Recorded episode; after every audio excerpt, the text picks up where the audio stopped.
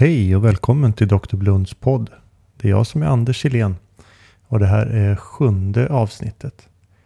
Ja, det blir lite längre mellan avsnitten nu under sommaren. Men jag hoppas att ni har andra saker för er än att eh, lyssna på Dr. Blunds podd. Eh, ämnet för idag är eh, den svårt sjuka astmapatienten. Jag minns eh, fortfarande när jag var 7-8 år gammal, alltså för en evighet sedan, att min eh, mammas bästa vän dog i ett astmaanfall.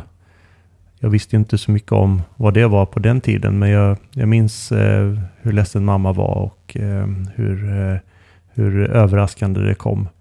Ehm, och sen dess eh, har det ju blivit väldigt ovanligt att någon dör eller ens är nära att dö av astma. Tack vare den bra uppföljningen och behandlingen som vi har i öppenvård. Eh, så det är faktiskt inte ofta som jag som eh, intensivist har behövt eh, hantera astmapatienter. De flesta mm, som kommer till sjukhuset kan tas om hand på akutmottagningen och sen antingen läggas in på en vårdavdelning eller oftast rent av gå hem efteråt. Men det är ändå bra att veta vad som gäller, vad man ska göra om man får ett av de här riktigt svåra fallen. Eh, jag hade faktiskt nyligen en eh, 15-årig flicka som kom eh, som hade känd astma men kanske inte hade följts upp tillräckligt. Och hon slutade på IVA i respirator men, men klarade sig sen. Så jag tänkte gå igenom lite allmänt Eh, steg för steg vad som gäller för eh, de svårt sjuka astmapatienten. Eh, och de här patienterna kommer förstås till sjukhuset antingen själva eller med ambulans med svår andnöd som främsta symptom. Och ofta är det ju känt att patienten har astma sedan tidigare. Och de varningstecken som man särskilt ska se upp med när man undersöker en sån här patient på akutrummet är eh, om man auskulterar eh, bröstet och eh, man inte kan höra några andningsljud. Det här ökända silent chest. Det ska man se upp för. Om andningsfrekvensen börjar gå ner om man tar en blodgas och hittar ett normalt Eh, PCO2 eller rent av förhöjt.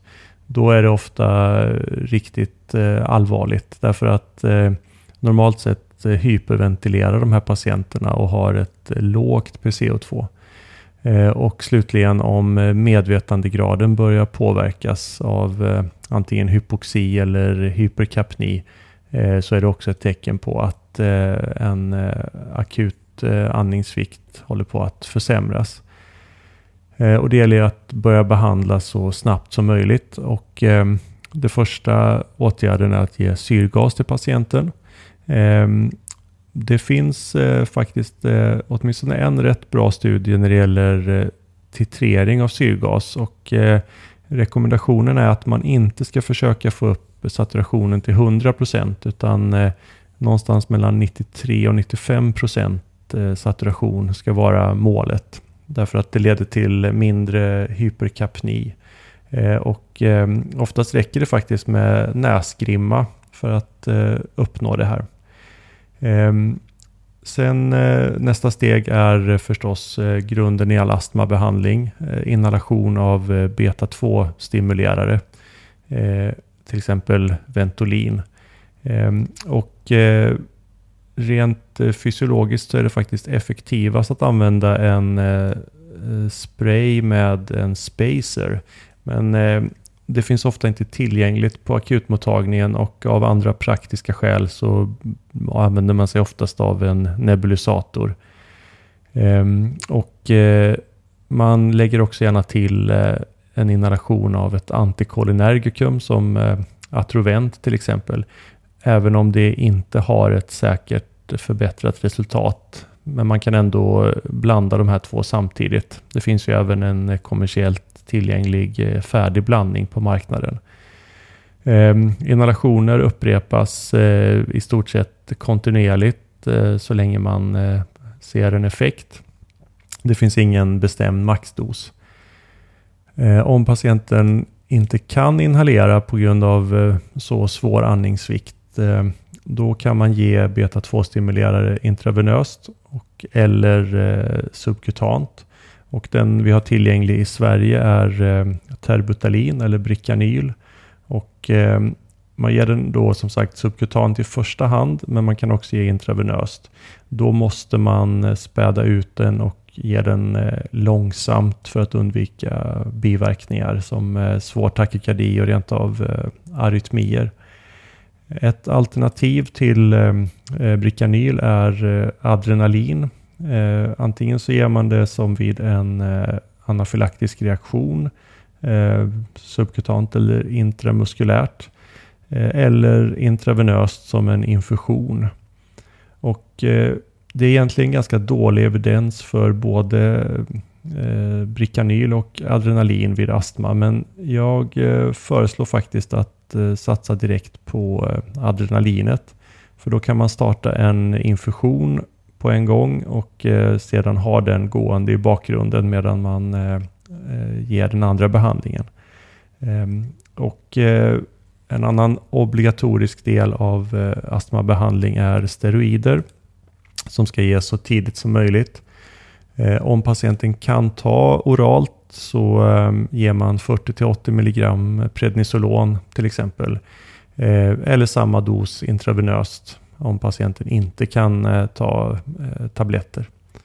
Eh, och det här fortsätter man sedan att upprepa två till fyra gånger per dygn tills eh, patienten har förbättrats. Eh, så efter att man har gett betastimulerare inhalerat eller parenteralt samt steroider eh, så kan man överväga att ge intravenöst magnesiumsulfat eh, det här är lite kontroversiellt. Eh, den största genomgången är en Cochrane-studie som säger att man förmodligen inte har någon effekt på måttlig astma.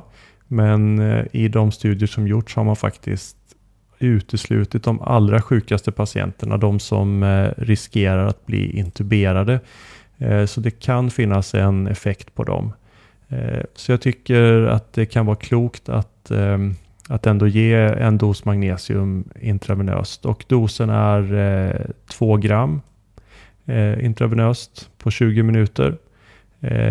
Biverkningsprofilen på magnesium är så godartad så jag tycker att det kan vara värt att ge det här även om det är lite kontroversiellt som sagt. Däremot kan man helt strunta i eh, teofilin eh, eftersom det inte har någon effekt på eh, akuta astmaanfall. Eh, och likaså inhalationssteroider är inte eh, att rekommendera i akutstadiet. Givetvis ingår inhalationssteroider som en viktig del av underhållsbehandlingen men inte akutbehandling. Ja, det var läkemedelsbehandling då och eh, sen gäller det att ge andningsstöd om patienten eh, behöver det. Eh, och ehm, det finns blandade resultat för icke-invasiv ventilation på astmapatienter. Men en del verkar svara på det. Eh, och nu pratar vi inte om eh, ren CPAP utan det behöver finnas ett eh, tryckunderstöd också. Så du behöver alltså antingen ha en respirator eller en narkosapparat tillgänglig på ditt akutrum för att kunna göra det här. Och ehm, eh, eftersom en patient med astma gärna bygger upp ett stort eh, intrinsic PEEP på grund av eh, sina Eh, konstringerande luftvägar och eh, takypné så kan man hjälpa patienten lite genom att eh, sakta öka PEEP till man är strax under det här eh, intrinsic PEEP. Ofta 8 till 10 hektopascal eller så.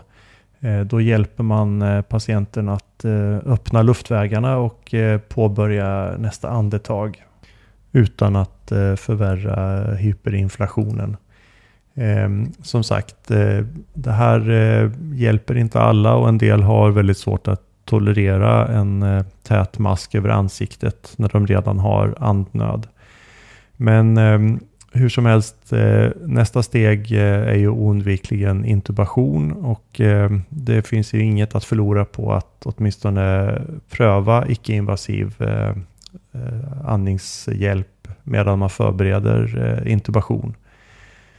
Ehm, så eh, om patienten inte har förbättrats av eh, den behandling vi har eh, gått igenom eller om man ser tydliga tecken på utmattning, att patientens andningsfrekvens minskar till exempel. Ehm, då är det dags att intubera. Och metoden för intubation är egentligen ganska enkel, men i det här fallet så gäller det att se till att den bästa intubatören, heter det så, eh, står vid eh, patientens huvudända. Det här är ingen eh, lämplig patient att träna på. Ehm, preoxinera, som sagt gärna med tryckunderstöd, 100% syrgas. De läkemedel du ska använda i det här fallet är helt klart Ketalar och Esmeron. Precis som jag nämnde i tidigare avsnitt om intubation. Ehm, Börja med eh, en eh, mindre dos Katalar, kanske 0,5 till 1 mg per kilo eh, som en långsam injektion. En del patienter kan förbättras redan då för att de bättre tolererar andningsunderstödet.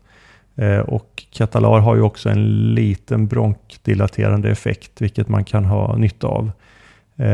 Men annars så fortsätter du att ge upprepade doser av ungefär ett halvt milligram per kilo per, åt gången tills du ser att patienten har dissocierat. Då ger du Esmeron, eh, intubationsdos 1,2 milligram per kilo och intuberar. Och eh, det gäller att det går så fort som möjligt. Därför ska den eh, bästa eh, intubatören som sagt vara vid huvudändan. Och välj den största tub som du tror att du kan eh, få ner på patienten. En, eh, åtminstone en 8 8 på en eh, vuxen. Och sen ansluter du patienten till respiratorn förstås. Och det finns några riktlinjer som man kan gå efter när man gör grundinställningarna på respiratorn. Ehm, givetvis så jobbar vi med eh, tryckstyrd ventilation, alltså med eh, konstant tryck under inandningen. Ehm, men man kan använda någon av de här volymkontrollerade inställningarna eh, som till exempel heter VKTS eller SIMV med autoflow beroende på vilken, vilket fabrikat av respirator man använder. Eh, tidalvolymerna ska vara eh, små, 6-8 ml per kilo och eh, man ska sträva efter en så låg eh, frekvens som möjligt för att undvika eh, att eh, patienten eh, samlar på sig luft och får eh, autopeep och airtrapping. Ehm, som riktlinje kan man säga att minutvolymen ska vara max 115 ml per kilo. Eh, man behöver ofta också eh, öka på eh, expirationstiden så att, man, eh, så att patienten hinner andas ut emellan. Oftast ett till tre eller, eller ännu mer. Och som jag nämnde tidigare så kan man också underlätta för patienten genom att öka PEEP upp till ungefär 80% av autoPEEP. autopip. Eh, och har man en respirator som kan mäta det här så kallade intrinsic PEEP eller auto peep, så kan man göra det först och sen ställa in PEEP därefter. Men eh, oftast så eh, hamnar man under 10 i alla fall. Man ska inte, helst inte komma högre än 10 i peep. Och eh, man justerar sitt eh, FiO2 för att uppnå en saturation över 90% men inte 100 jag brukar ha som eh, riktvärde att den första siffran på eh, saturationsmonitorn inte ska vara en etta utan en nia. Ehm, hela tiden under eh, intubationstiden, under respiratorbehandlingen, kan man fortsätta med eh, inhalationsbehandlingar eh, så länge man ser att patienten behöver det. Ehm, sedering behövs oftast, eh, särskilt i början, för att undvika eh, asynkroni med respiratorn. Eh, även här tycker jag att eh, Ketalar är det bästa läkemedlet att använda eftersom man då får en viss eh, bronkdilaterande effekt. och man doserar till den effekt man vill ha. Har man jätteproblem med att ventilera patienten på grund av höga tryck och så vidare så kan man prova med muskelrelaxantia.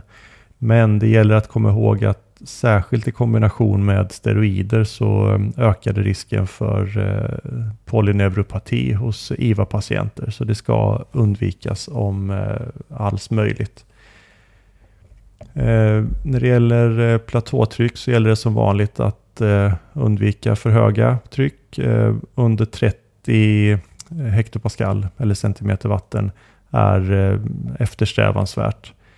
Eh, ser man att eh, trycket ökar så kan man försöka felsöka och um, försöka lista ut vad det beror på.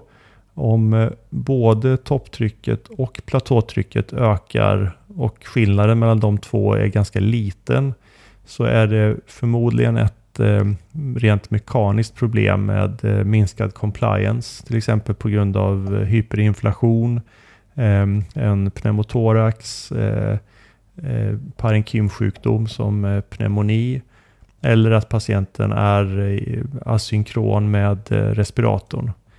Ehm, och då gäller det att försöka åtgärda det genom att se till att patienten kan tömma lungorna ordentligt. Ibland kan man behöva helt enkelt koppla loss respiratorn en stund för att tömma lungorna. Sedera patienten ordentligt, kontrollera med röntgen eller ännu hellre ultraljud om det finns tecken på pneumotorax eh, och justera respiratorinställningarna som det behövs. Ser man att eh, topptrycket ökar men eh, också skillnaden mot platåtrycket ökar så att det är större skillnad mellan topptryck och platåtryck så är det mer ett tecken på att luftvägsmotståndet har eh, ökat som en förvärrad bronkonstriktion, eh, mera sekret eller ett eh, tubstopp. Och då är åtgärderna förstås att eh, kontrollera tuben, suga rent och eh, ge mer bronkdilaterande inhalationer. Och för de här patienterna så får man ganska ofta acceptera ett eh, ökat PCO2, alltså permissiv hyperkapni som, som det kallas, precis som med ARDS-patienter för att kunna undvika de här höga trycken. Men eh, tack och lov eh, så förbättras astmapatienter ofta ganska fort. Så eh, man kan räkna med att kunna extubera redan inom ett par dagar så fort eh, den här bronkkonstriktionen har avtagit. Så det gäller att börja lätta på sederingen så fort eh, man kan, så fort man ser att patienten förbättras. Och det finns inga särskilda riktlinjer när det gäller eh, utträning och extubation för astmapatienter utan eh, du bedömer det precis som, som du brukar. Ehm, så för att eh, sammanfatta det här avsnittet om svår astma så kan vi börja med att vara glada för att det är ovanligt med väldigt svår astma idag tack vare uppföljning och behandling. Ehm, men eh, de varningstecken du ska se upp med är eh, avsaknad av andningsljud vid auskultation, normalt eller förhöjt PCO2 som är tecken på att eh, patienten börjar bli uttröttad eller mental påverkan, alltså nedsatt medvetandegrad. Förstahandsbehandlingen är alltid inhalerad beta-2-stimulerare plus ipratropium det finns ingen maxdos. Fortsätt eh, till effekt. Eh, högdos steroider, antingen oralt eller intravenöst. Eh, magnesium som sagt eh, lite kontroversiellt men eftersom det kanske hjälper och eh, har en snäll biverkningsprofil så eh, rekommenderar jag att ge åtminstone en dos. Om inget av det här hjälper så gäller det att börja preoxygenera patienten med eh, icke-invasiv eh, ventilation med tryckunderstöd samtidigt som du förbereder dig för intubation. Eh, och du vill helst inte intubera en astmapatient, men om du måste göra det, gör det snabbt och effektivt med den största tuben som eh, du kan få ner. Och eh, var sen beredd på att du kommer att få ägna de närmsta timmarna åt att eh, jobba med respiratorn för att få optimala inställningar. Ehm, jag kommer att eh, länka till eh, några artiklar som eh, eh, styrker min eh, tes när det gäller de här riktlinjerna. Och det finns också utmärkta resurser på andra ställen på internet när det gäller det här.